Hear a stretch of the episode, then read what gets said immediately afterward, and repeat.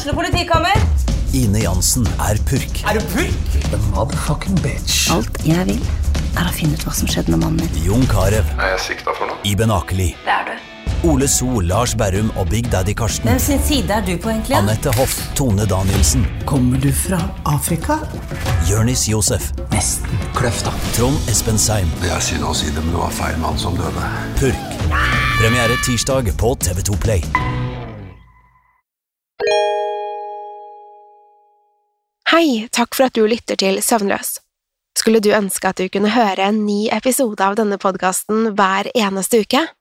Vel, da er det bare å laste ned podkastappen Untold med en gang. I tillegg til ukentlige episoder av podkaster som Skrekkpodden, Truecrimepodden og Henrettelsespodden får du masse annet reklamefritt og eksklusivt innhold. Last ned Untold i AppStore eller Google Play, og start din 30 dagers prøveperiode i dag.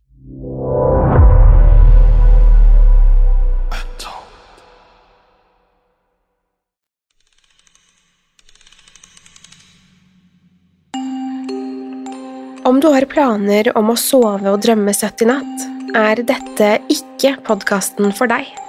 Hvis du er lettskremt, lett påvirkelig eller har søvnproblemer, bør du styre unna akkurat denne.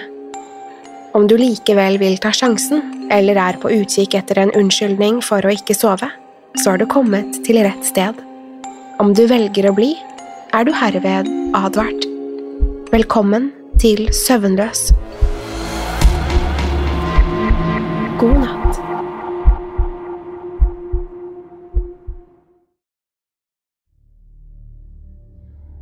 Jeg hadde alltid vært fascinert av skogen. Det var noe ved den tykke vegetasjonen og den uendelige stillheten som talte til meg. Skogen var full av hemmeligheter, og helt siden jeg var liten hadde jeg forsøkt å nøste opp i dem. Jeg hadde vært på hundrevis av skogsturer over hele landet så da jeg kledde på meg den aprilmorgenen, følte jeg meg forberedt på hva enn jeg kunne støte på. Den morgenen hadde jeg bestemt meg for å utforske de digre skogene i nærheten av hjembyen min. Jeg hadde gått der mange ganger før, men nå planla jeg å gå lenger enn noen gang tidligere. I sekken hadde jeg pakket niste, kart og kompass og var klar for en nydelig og opplevelsesrik dag i villmarken. Dagen startet som forventet. Solen kastet striper av lys gjennom trærne, fuglene kvitret muntert, og alt luktet av jord og frisk luft. Skogen føltes som en gammel venn som hadde ventet på at jeg skulle komme tilbake. Ettersom timene gikk, kom jeg stadig lenger inn i skogen, og stien jeg hadde fulgt, begynte å bli smalere. Jeg burde ha innsett at det var på tide å vende nesen hjemover, men nysgjerrigheten og eventyrlysten hadde for lengst tatt over for logikk. Det var ikke før solen var på vei ned bak tretoppene at jeg forsto at jeg hadde begått en stor feil. Kvelden ble stadig mørkere, og snart visste jeg ikke lenger hvilken vei som ledet hjemover. Mørket faller brått på i slike tykke skoger, og jeg var helt alene, bortkommen og desperat. Fra ryggsekken fant jeg frem en lommelykt og skrudde den på med skjelvende hender. Den trykkende stillheten rundt meg fikk hjertet mitt til å hamre. Et par minutter gikk mens jeg prøvde å forstå hvor jeg var. Det var da jeg hørte det, lyden som fikk det til å gå kaldt nedover ryggen min. Stillheten ble brutt av et grusomt hyl, ulikt noe jeg hadde hørt tidligere.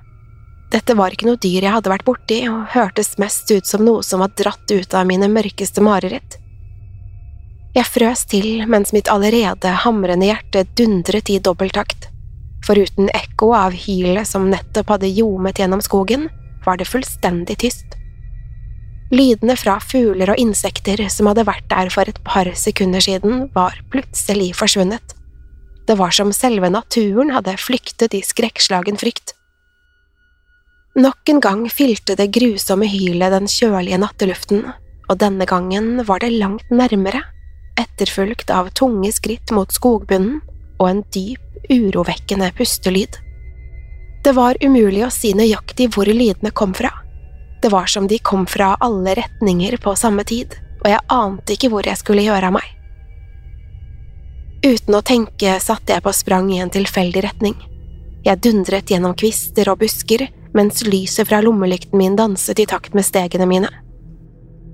Jeg ante ikke hvor jeg var på vei, men håpet at det var bort fra de fryktinngytende hylene. Snart hadde jeg mistet all retningssans. Jeg løp blindt gjennom skogen, mens hylene, pustingen og skrittene fulgte tett bak. Etter å ha løpt i det som føltes som mange timer, kollapset jeg av utmattelse på den fuktige skogbunnen. Jeg hikstet etter luft, samtidig som jeg lyste vilt rundt meg med lommelykten. Så plutselig traff lyset noe. Skapningen var delvis skjult bak et tre, men jeg kunne likevel se den der den ruvet høyt over meg. Den kunne minne om en grotesk etterligning av et menneske, minst tre meter høy og med lange, radmagre armer og ben. Huden var likblek og strukket stramt over knoklene. Skapningens øyne var tomme som svarte avgrunner, og det digre gapet var fylt med sylskarpe tenner. En tyktflytende, gråaktig væske dryppet fra munnvikene. Jeg maktet ikke å røre meg en centimeter. Leddene mine virket til å ha frosset fast, og lommelykten skalv i hendene mine. Skapningen hylte igjen, så høyt at lydbølgene fikk selve skjelettet mitt til å riste. Den tok et skritt mot meg med bevegelser som minnet mer om en marionette, unaturlig grasiøs og glidende. Jeg visste at jeg måtte flykte, men frykten hadde paralysert meg. Lyset fra lykten flimret over skapningens groteske trekk. Det var et grusomt syn, men jeg klarte ikke å ta blikket fra de tomme øynene. Så, med ett, var det som et skudd av energi og adrenalin for gjennom kroppen min. Jeg karret meg på bena og satte på sprang igjen. Skapningen fulgte hakk i hjel mens den fortsatte å slippe løs de umenneskelige hylene. På mirakuløst vis snublet jeg inn på en smal skogsti. Jeg fulgte den blindt og håpet den snart ville lede ut i et åpent lende. Etter å ha løpt et stykke fikk jeg plutselig øye på noe i det fjerne. En liten hytte lå delvis skjult i den tykke vegetasjonen. En stripe grå røyk steg opp fra pipen på taket, og det lyste svakt i vinduene. Det var tegn til liv, kanskje jeg likevel skulle overleve natten? Det tente et håp i meg og fikk bena mine til å løpe fortere. Sekunder senere var jeg fremme ved hyttedøren, og jeg kastet meg mot den. Lettelsen skylte over meg da døren spratt opp og jeg ramlet inn i en svakt opplyst stue. Likevel hadde jeg ikke tid til å se meg rundt riktig ennå. Først måtte jeg sørge for at vesenet der ute ikke kunne følge etter meg. Jeg kom meg på bena og slamret døren igjen, før jeg barrikaderte den med alt jeg kunne finne av møbler. Da jeg ikke hadde mer å blokkere døren med, sank jeg sammen på gulvet, fullstendig utmattet. Hodet mitt dundret og kroppen min skalv ukontrollert. Mens jeg lå der og pustet, lot jeg blikket gli over rommet.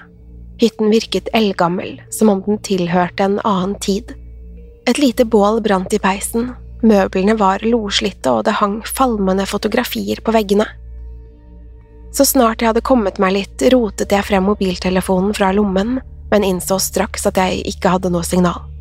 Jeg måtte være lenger inne i skogen enn jeg først hadde antatt. Nå var jeg fullstendig alene. Jeg ante ikke hvem sin hytte jeg var i, eller om jeg i det hele tatt var velkommen. I timevis satt jeg der og lyttet til den trykkende stillheten og bålet som knitret lett i peisen. Lydene fra skapningen hadde forsvunnet i det øyeblikket jeg lukket hyttedøren, og jeg håpet det ville bli siste gang jeg hørte til den. Da resten av natten forløp uten at jeg verken så eller hørte noe til skapningen, våget jeg meg bort til vinduet for å kikke ut. Solen var på vei opp over tretoppen igjen, og skogen så ut til å våkne til liv. Redd, men bestemt flyttet jeg på barrikaden og åpnet døren på gløtt. Igjen hørtes fuglekvitter i den fuktige vårluften. Jeg samlet sammen tingene mine og forlot hytten. Selv om jeg ikke ante hvilken retning som ledet hjem, følte jeg meg sikker på at skapningen ikke fulgte med på meg lenger. Nå hadde jeg i det minste tid til å finne veien hjem. Etter å ha gått noen timer, konstant med blikket over skulderen, åpnet endelig skogen seg og jeg kunne se den velkjente landsbyen min i det fjerne. Det var siste gang jeg bega meg ut i den skogen.